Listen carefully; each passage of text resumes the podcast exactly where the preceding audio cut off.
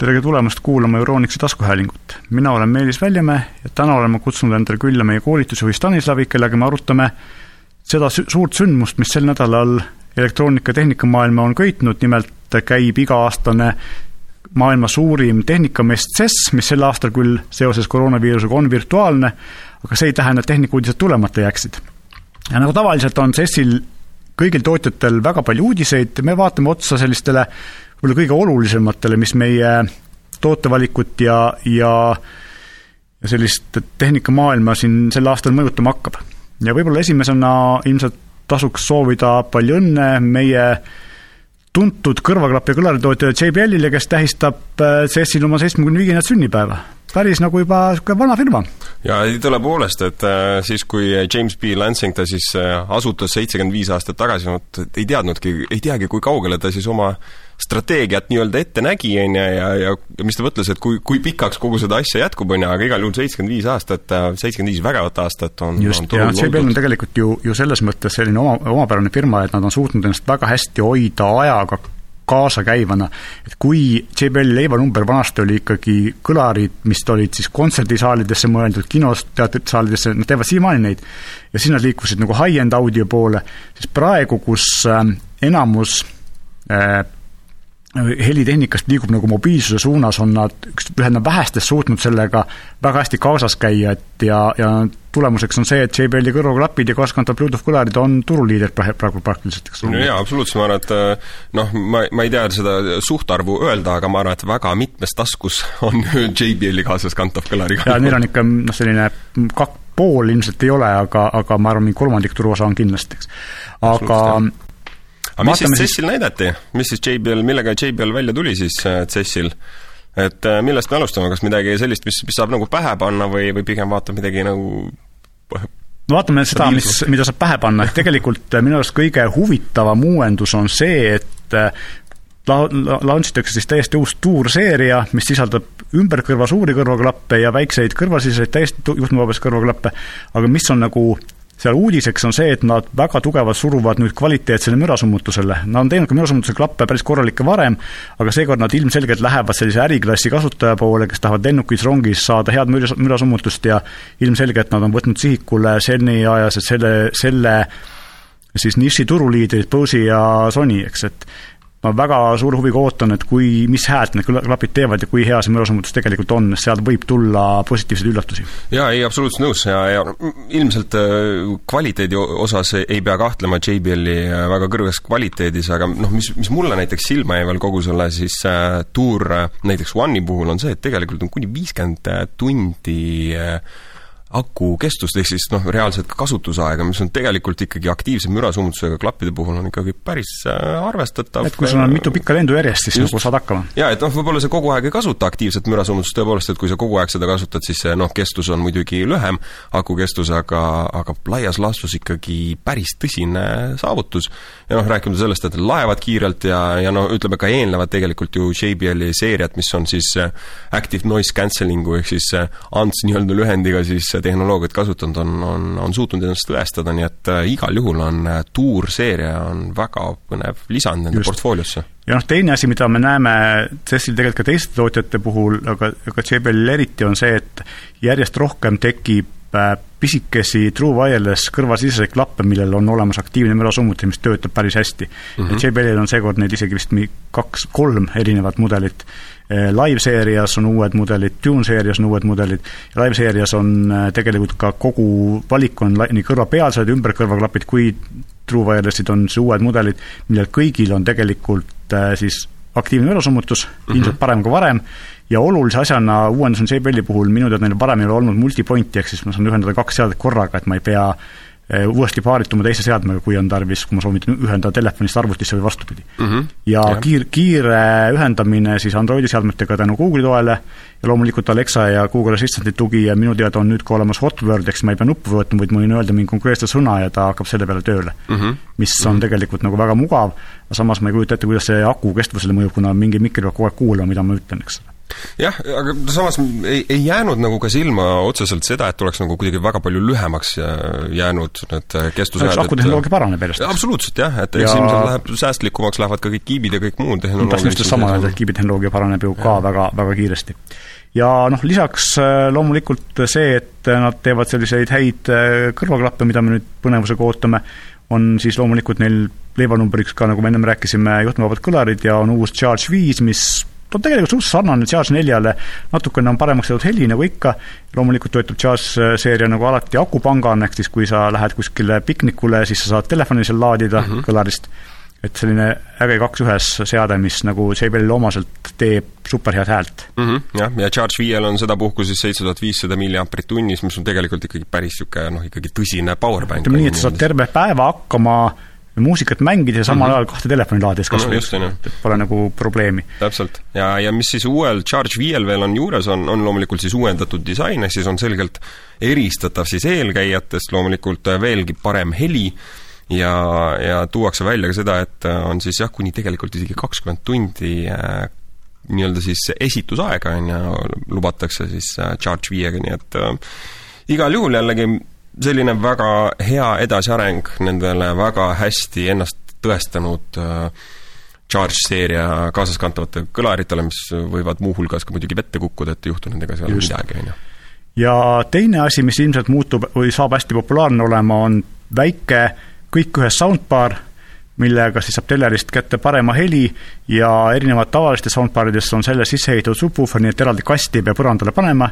ja lisaks on virtuaalne Dolby Atmos, mis teeb ilma lisakõlariteta päris korraliku selles ruumis heliefekti, et asendab nagu päris hästi kino mm, -hmm. aga siis kõik see on pandud nüüd hästi pisikesse kompaktsesse korpusesse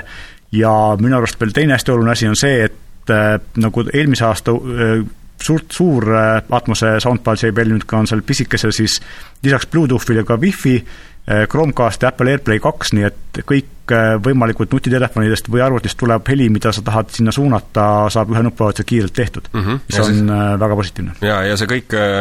kannab siis nime JBL Bar viis punkt null Multibeam, on ju, nii et Multibeam tähendab seda, et ta kiirgab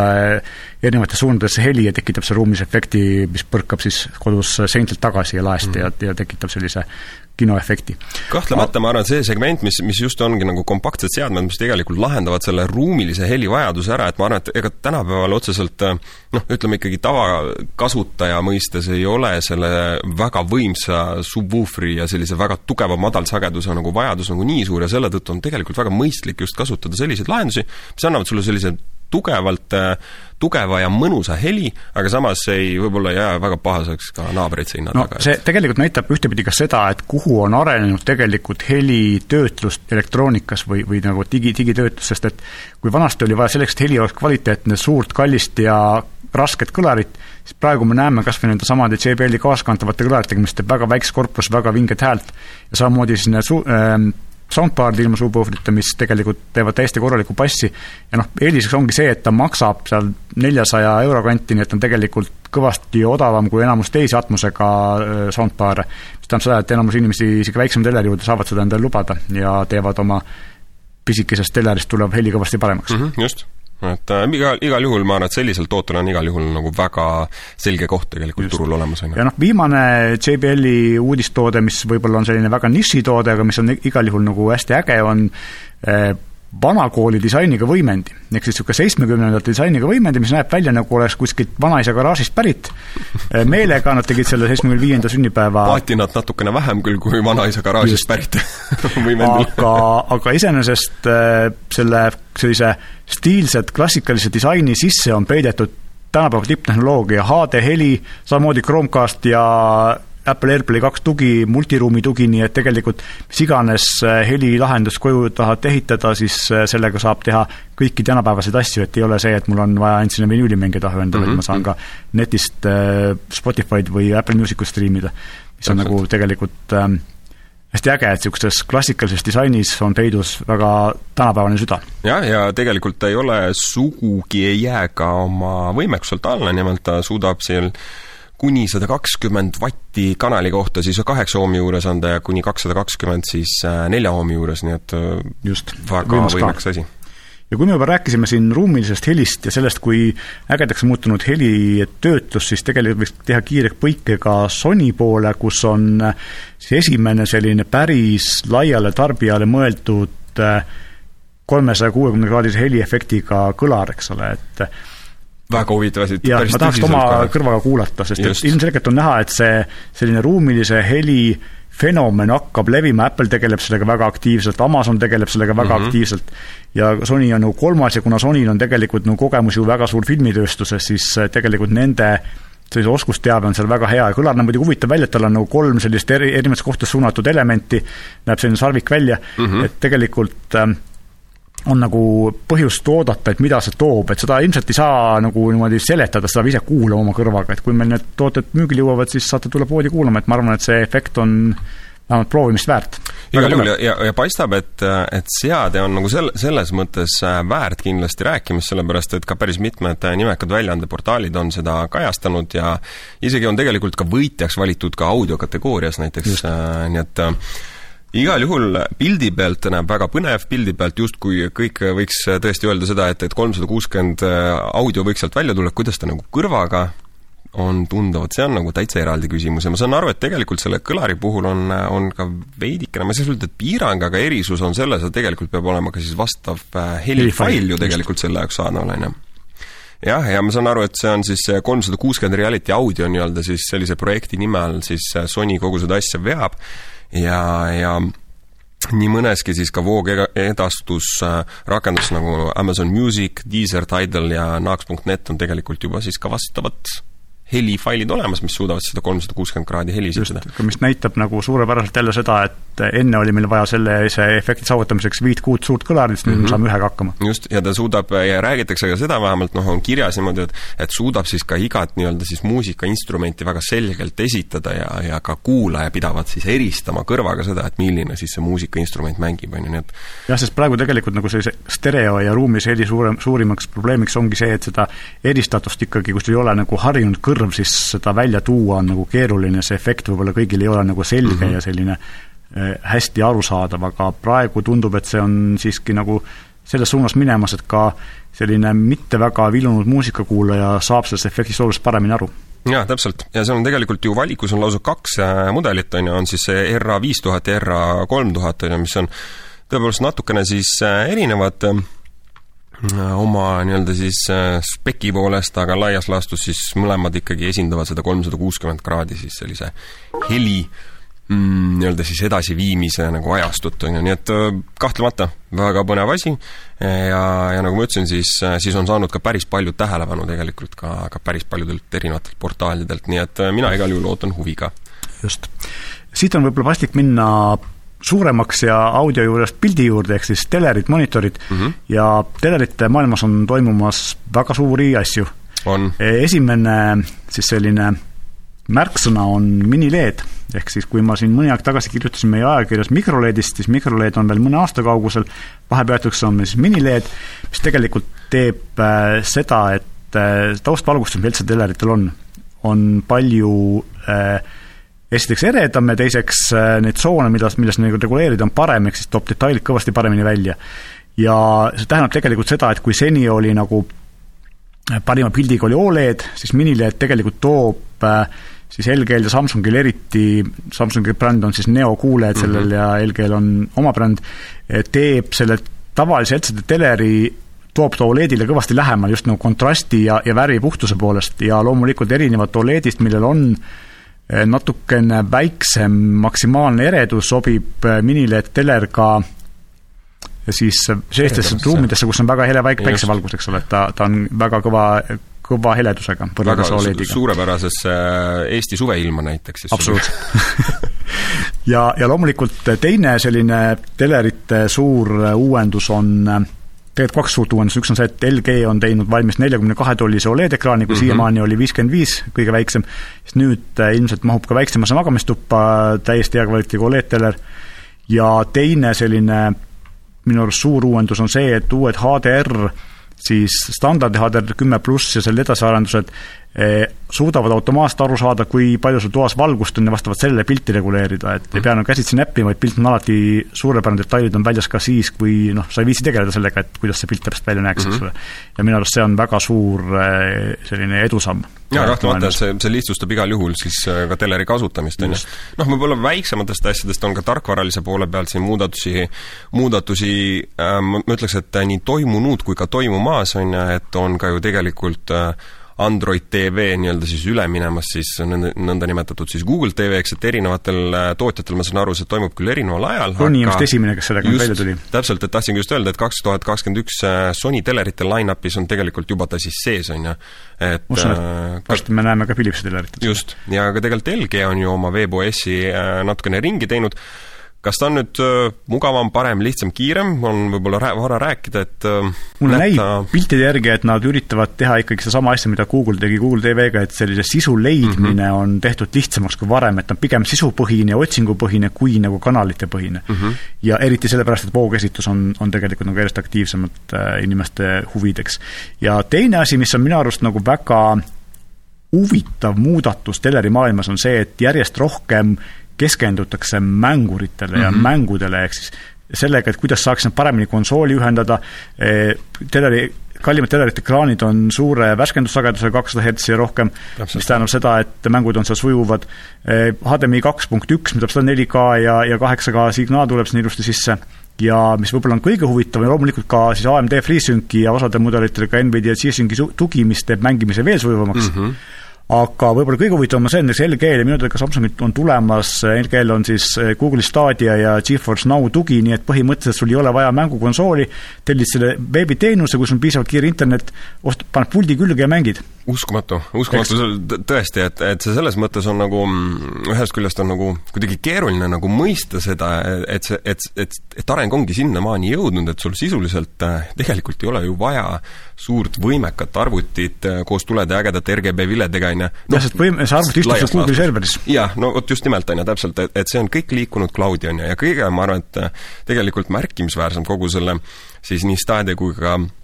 GeForce Now nagu teenuste puhul on see, et tegelikult on ka väga lai erinevate seadmete tugi ju, et see ei ole ainult telekas, see on ka tahvel, see on ka hulk erinevaid äh, nutitelefone, ehk siis sa sisuliselt saad oma mängu võtta kaasa endaga, no ma ei tea, kuhu iganes põhimõtteliselt, kus sa lähed, kus on vähegi mõistlik internet. no ilmselt peab siin tõesti natukene nagu au andma sellele, et kui sa tõesti oled ikkagi väga tugev mänguhuviline inimene ja sul on hästi oluline hiiretundlikkus, värskendus, sagedus, kõik muud asjad, no suure tõenäosusega sa telefoni telefoni ekraanil ei hakka võib-olla siis väga kiire FPS-iga mänge mängima, ehk siis selles suhtes, et turg, gaming'u turg jääb igal juhul alles, on ju, aga ma arvan, et see on selline väga nagu loogiline jätk tegelikult siis sellisele no ma olen täitsa kindel, et tootjad on aru saanud sellest, eriti nüüd selle siin viiruse ja kodukontorite ja vähese õues käimise valguses, et huvi mängude ja meelelahutuse vastu on hüppeliselt tõusnud ja see on tõusnud hüppeliselt ka sellistes gruppides, kus inimesed reeglina varem selle peale ei mõelnud, et selline tavakasutaja, kes ei ole tõsine mängur, sellepärast on ka tegelikult selle tootjate huvi tuua see inimesele võimalikult lähedale, teha võimalikult lihtsaks, kuna raha on teatavasti seal. jaa, absoluutselt. ja, tegelikult ma täiesti kinnitan su juttu, sest et ka minu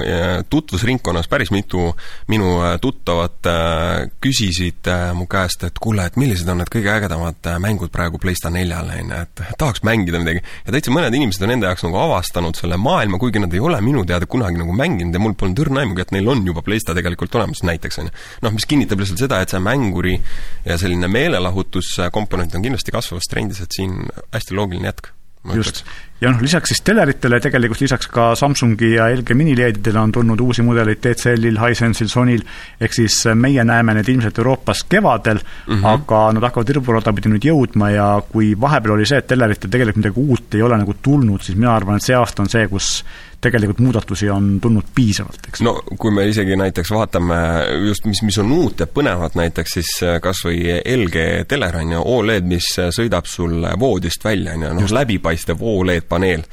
mis on noh, tegelikult ju läbipaistvad siis ähm, ma ei tea, kas teleriekraanid, aga mingid ekraanid on, on noh, olnud teemaks tegelikult aastaid, on ju, on seda Samsung juba katsetanud, on suured tootjad, on kõik ikkagi laias laastus sellega mingeid katsetusi teinud. aga see ei ole kuidagi nagu saanud niisugust nagu äh, mõistlikku vormi võib-olla või, või noh,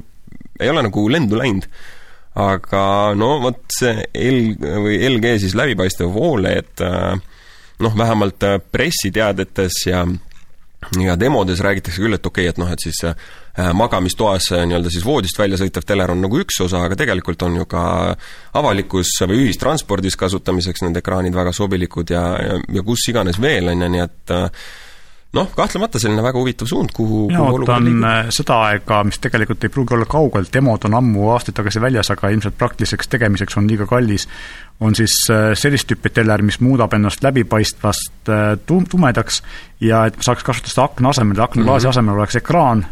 tahan paista mm, -hmm. vaatan sealt päikest ja kui tahan enda tumedaks ja vaatan filmi. praegu uutel majadel ja korteritel on tegelikult ju väga palju aknapinda ja, ja. seda oleks jumala hea ära kasutada. ma absoluutselt täiesti nõus, on ju ja, ja võib-olla järgmine nagu siis selline või, või täiesti vastassuunda võib-olla liikuv äh, trend on ka tegelikult telerid, mis äh, kuidagi muudavad oma paneeli kuju. ja ega kas, kui ka, ega ma ei eksi, kui ma ütlen, et äkki aasta või paar tagasi vist äkki Samsung juba tuli siis sellise telekaga välja, kus hästi natukene nad nagu ääred justkui äh, paindusid.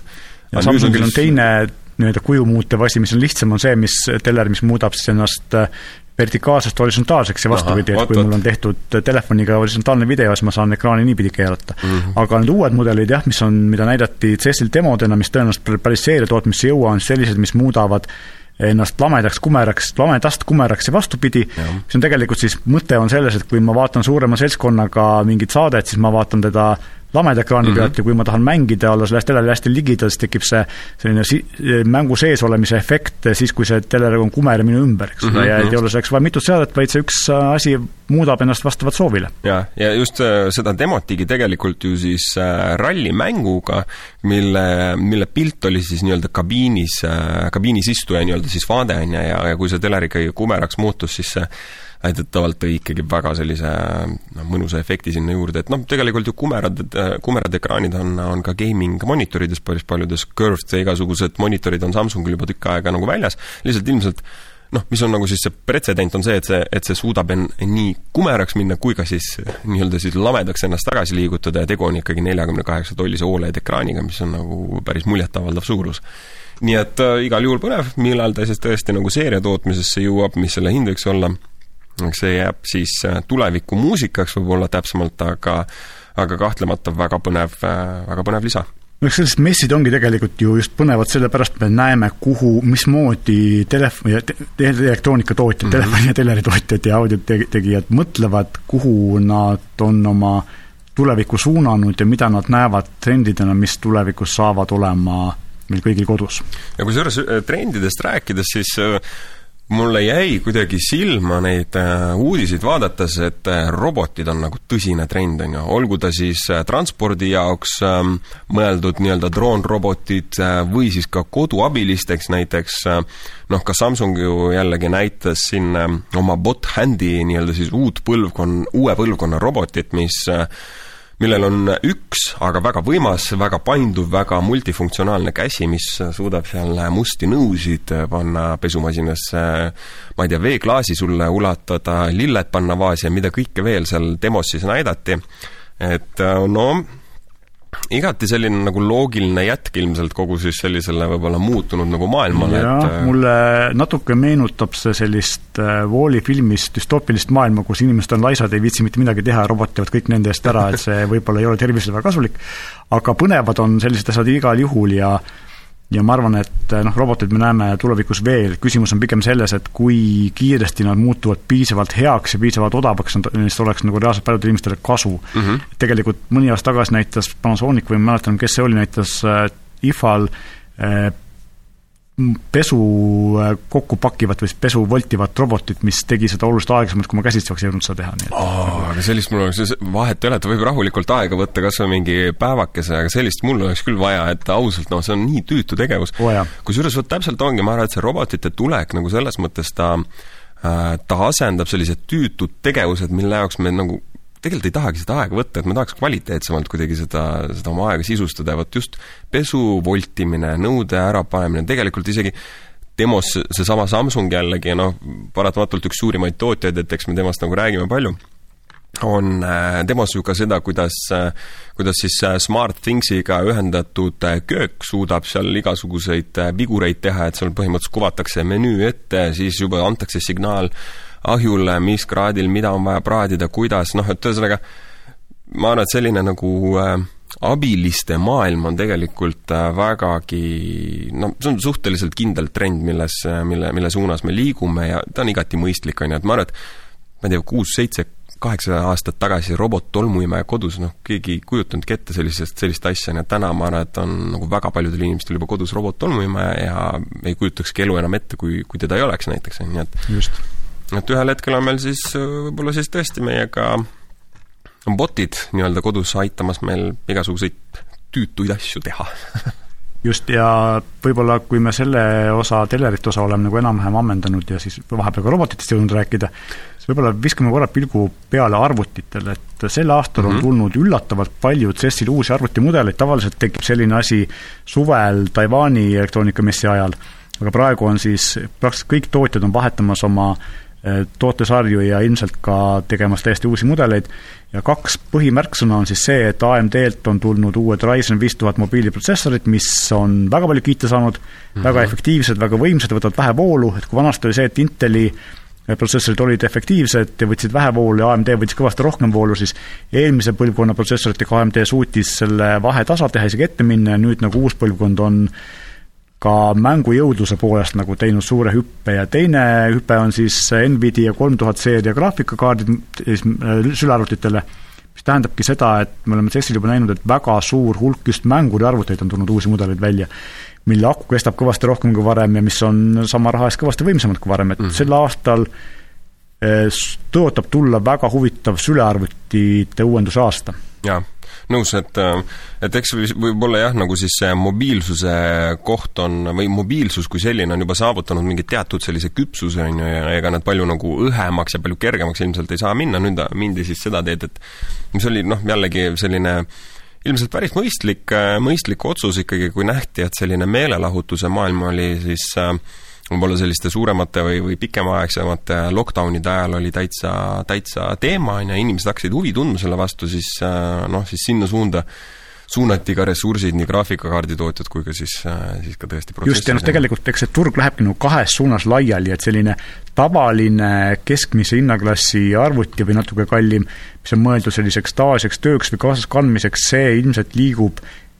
ma pakun, et ARM-kiibistike peal, nagu Apple on meile näidanud oma uute arvutitega ja ilmselt ma usun, et teised tulevad järgi, võtab veidi aega, sest Apple on seal eh, ARM-kiipide tootmises ikkagi arvutitele nagu peaaegu ees teistest mm -hmm. praegu. aga see tuleb järgi ja teine ots on just see, kus siis eh, on väga võimsad mänguri- või tööjaamaarvutid, mille komponente AMD ja Nvidia väga suurepäraselt toota suudavad ja seal Inteli turuosa kõvasti vähendavad. ja ka seal on näha just sel aastal seda, et eh, sama võimsusega saab palju paremini kestva aku või vastupidi, et, et hästi kestva akuga saab palju rohkem võimsust. vanasti mm -hmm. oli see, et kui sul oli võimas arvuti, siis su aku ei kestnud, eks noh, siis sul oli suur laadija lihtsalt kaasas alati. mis ei ole väga mugav mis ei ole mugav. aga et selles mõttes on, see arvutite maailm on tegelikult äh, väga põnev ja loomulikult äh, ekraanid lähevad, ekraanid ja raamid lähevad järjest õhemaks, järjest suuremaid arvuteid saab panna just väiksematesse korpustesse ja siin üks uudis, mis oli, oli see, et Samsung äh, praegu veel ei ole välja tulnud, aga kavatseb tuua lähiajal ka siis äh, ekraani sisse peidetud kaameraga arvutid, arvutiekraanid siis, mis tähendab seda, et RAM-id lähevad ka ülevalt poolt mm. kõvasti õhemaks, jälle võit. jälle võit, absoluutselt, on ju, noh, telefonides on ju seda suudetud väga edukalt juba teha, on ju. jaa, aga noh, ma arvan, et telefonides tuleb ka see aasta-paari jooksul tuleb see praktiliselt kõigile ja mm -hmm. siis mhm. ilmselt näeme ka siis arvutites ja muudes seadmetes sama trendi aga kui me juba telefonidest rääkisime, siis tegelikult tänane suurim uudis on ju see, et kohe-kohe launch itakse või, või siis noh, sõltub, mis ajal te seda kuulate, on juba launch itud Samsungi uued lipulaevad Galaxy S kakskümmend üks seeria. just, ja sedapuhku siis äh, me näeme kolme seadet. S kakskümmend üks Ultra 5G, S kakskümmend üks pluss 5G ja S kakskümmend üks 5G. ja eks nad kõik äh, erinevad mõneti üksteisest ja, ja noh, kindlasti ka suurus on, on üks märksõnadest, mis mis neid eristab, ehk siis kusjuures, mis ma tähele panin, on see, et äh, et kui tavapäraselt on äh, listid või siis äh, loendatakse või, või näidatakse tooteid siis väiksemast suurema poole, on ju, siis Samsung on läinud nagu täpselt vastupidist teed, et kõigepealt alustatakse keskme juurde ja siis kuue koma kahe juurde, et et mind alguses natukene ajas see nagu segadusse, aga siis, kui ma natuke rohkem süvenesin nende spetsifikatsioonidesse ja ja sellesse, mis siin siis ähm, veebilehel kirjas on, et siis ma sain aru, et, et kumba pidi nüüd siis äh, neil, neil see asi käib. eks ikkagi kõige see võib kõlada nagu tõesti äh, üüratult suurena, aga ma võin täitsa kinnitada ise, olles siis äh, Note kahekümne siis kasutaja, siis ei ole see midagi nii müstilist. jah, tõepoolest, siin on vaja natukene arvestada sellega, et et, et kui sa teksa taskus hoiad telefoni ja näiteks istud autosse, paned juba turvavöö peale, siis suure tõenäosusega sa enam seda taskust sõidu ajal kätte ei saa mõistlikult, küll aga ma võin täitsa nagu rahulikult öelda seda, et, et tänasel hetkel ma ei näe vajadust kasutada mitte ühtegi muud seadet selle jaoks, et multimeediat kodus tarbida, sest et on ekraan telefonil juba piisavalt suur. aga mis veel nende siis, lisaks siis sellele suurusele, mis siis kahekümne esimest seeriat meil siis iseloomustab? Mina, noh, kaamerad on paremad kui varem, aga samas see hüpe ei ole ilmselt nii tohutu, et kaameraid on rohkem, nad oskavad rohkem teha, aga see hüpe ei ole veel nii tohutu, mis mulle silma jäi, on siis nagu Samsungil ikka, kes on äh, suurim ja kõige kõvem AMOLED ekraanide tootja, nad on teinud nüüd nende uute telefonide, eriti ultrale, AMOLED ekraani, mis on tuhat viissada nitti heledusega, mis on nagu fantastiline, ehk siis tegelikult ükskõik kui heredalt sul päike näkku paistab, telefoni ekraan on loetav, et vanasti oli see probleemiks, läksid õue ja mitte midagi ei näinud, mis telefonis näha oli. seda küll, jah. et see on minu arust nagu selline kõige suurem asi, mis mulle silma jäi, mille peale väga palju pole võib-olla tähelepanu pööratud mm. -hmm aga noh, ilmselgelt väikseid uuendusi on igal pool, loomulikult on nüüd kõigil mudelitel 5G, eks ole mm, -hmm. Euroopas tuleb ta nagu ikka Samsungi enda protsessoriga, Ameerikas siis Qualcomm'i protsessoriga, mis on ka väga tavapärane. samuti on, nagu eelmistel mudelitel, on sajakordne või kolmekümnekordne zoom, sõltuvalt siis, lossless, sõltuvalt siis äh, või losslessi ja, ja digisuumi hübriidina sajakordne, eks ole. mis on siis ka Note'is, Note kakskümmend ultra oli, eks, et on ta natuke parandatud, protsessor on paremaks tehtud pilditöötluse poolest ja siis ka läätsed on paremaks tehtud mm. -hmm. ja noh, need on nagu sellised põhiasjad, tegelikult on tegemist ikkagi sellise evolutsiooniga ja ja minu arust kõige huvitavam asi, millest räägitakse, aga mis ei ole veel minu teada kinnitatud, on see, et et S kakskümmend üks ultrale tuleb pliiatsi tugi, nagu Node'il. et pliiatsi küll kaasas ei ole, aga ta toetab pliiatsit ja ilmselt tulevad mingisugused äh, ümbrised, kus on pliiats sisse ehitatud, nii et see on nagu ka selline huvitav trend, et vaatame, mis sügisel Note seerias saab, kas see üldse mm -hmm. kaob ära, sest noh, vahepeal on, käivad kuulujutud, et Samsung kavatseb ikkagi Node'i nagu nii-öelda valikust välja visata, teha siis see S kakskümmend üks selliseks kõige paremaks või S-seeria kõige paremaks tavatelefoniks ja Node'i asemele järjest rohkem tulevad sellised fold ja flip seeriad, ehk siis painutatavate ja pööratavate ekraanidega mudeleid, mis on nagu selline uus high-end või tippklassi asi, mis ähm, vajab rohkem sellist arendustegevust ja, ja kõvasti investeerimist ja mis näitab teed sellele, mis saab tulema tulevikus mm. -hmm. no vot, selles suhtes äh, kui, kui vaadata seda, ütleme siis tarbija seisukohast, siis äh, noh, Note'i on alati ajalooliselt, on eristanud just nimelt selle S-Peni äh, olemasolu ja see, selle kasutamise võimalus seal, on noh, lisaks ka loomulikult suuremad ekraanid. aga tol hetkel oli tõesti see ekraanide suuruse vahe oli reaalselt eristatav ka S-seeria lipulaevadega, on ju, et noh, kui me seal vaatasime kas või S6, S7 seeriat ja, ja paralleelselt välja tulevad Note'i, ma küll peast ei mäleta, milline Note seal millise S-seeriaga vahele jäi küll korra seal teatavatel põhjustel, aga sellegipoolest oli nagu selgelt ikkagi eristatav see seade, siis täna, kui ma vaatan Note kakskümmend ultrat, mis on kuus koma üheksa tolli, mis on sisu poolest no äravahetamise nii sarnane S kakskümmend üks ultraga, siis mul tõesti tekib küsimus, et mis on siis see erinevus veel seal, et, et selles suhtes on võib-olla see loogiline nagu selline ta on pikka aega küsitud, sest et jah, Note oli vanasti suur ja teine vahe oli siis pliiatsi tugi ja mm -hmm. siiamaani oli ainus vahe pliiatsi tugi ja kui nüüd see tuleb ka, okei okay,, pliiatsi pole sisse ehitatud, aga no, kui ta tuleb jah. toena, siis ilmselt see eelis kaob ka ära. aga tegelikult, mis puudutab siis Samsungi telefone, siis tegelikult on ju nii, et äh, mina mäletan seda, kui esimene Note tuli siis see viietolline ekraan tundus nagu jaburalt suur. praegu tundub viietolline ekraan jaburalt väike. ja, ja ta oli veel nagu selles mõttes äh, jaburalt suur ka sellepärast, et ta ei olnud ju piklik ekraan, vaid ta oli niisugune nagu lai ekraan. lai ekraan ja ta noh, see oli tõesti selline suur nagu, seal kohati ma mäletan isegi seda kutsuti jääkaabitsaks täitsa, sest ta meenutas nagu kangesti seda kuju. aga, aga jällegi noh, ma mäletan, et kui suur huvi oli tegelikult ka turul sellise seadme vastu, sest et see vana hästi unustatud siis stylus justkui tuli tagasi, aga selle vahega, et siis see S-Pen on alati olnud ka survetundlik, ehk siis ta on päriselt ka suudab äh, väga hästi, eriti nüüd siis ka viimaste põlvkonna Note'ide puhul, suudab väga hästi ära tunnetada, et kui tugevalt sa siis vajutad, on ju, selle pliiatsi peale ja, ja ja ta on väga populaarseks saanud ka paljude disainerite, inimeste hulgas, kellele meeldibki asju üles kirjutada oma käega just, ja tegelikult see on tehtud, pliiats tehtud kõvasti kiiremaks ja see survetundlikkus on järjest paremaks läinud, kui esimesed suutsid seal mingi kümmekond vist erinevat astet mm, -hmm. vist mingis tuhande kandis on see erinevad astmed, eks tegelikult joonistada on sellega täiesti reaalselt juba võimalik praktiliselt kõike. jah, täiesti nõus, et äh, et et see on nagu, nagu selles mõttes huvitav trend ja noh, telefone ja selliseid mobiilseid seadmeid on tulnud siin äh, ka teistel, et Lenovo, kes on alati olnud selline huvitavate kontseptsioonide ja, ja uute asjade väljatooja, mis võib-olla kunagi turule ei tule, et nendel on nagu paar päris huvitavat tahvelarvutimudelit ja mõned sellised mängukonsooli hübriidid, DCL tegi täiesti uue telefonide seeria, mida ilmselt Eestisse mitte kunagi ei jõua,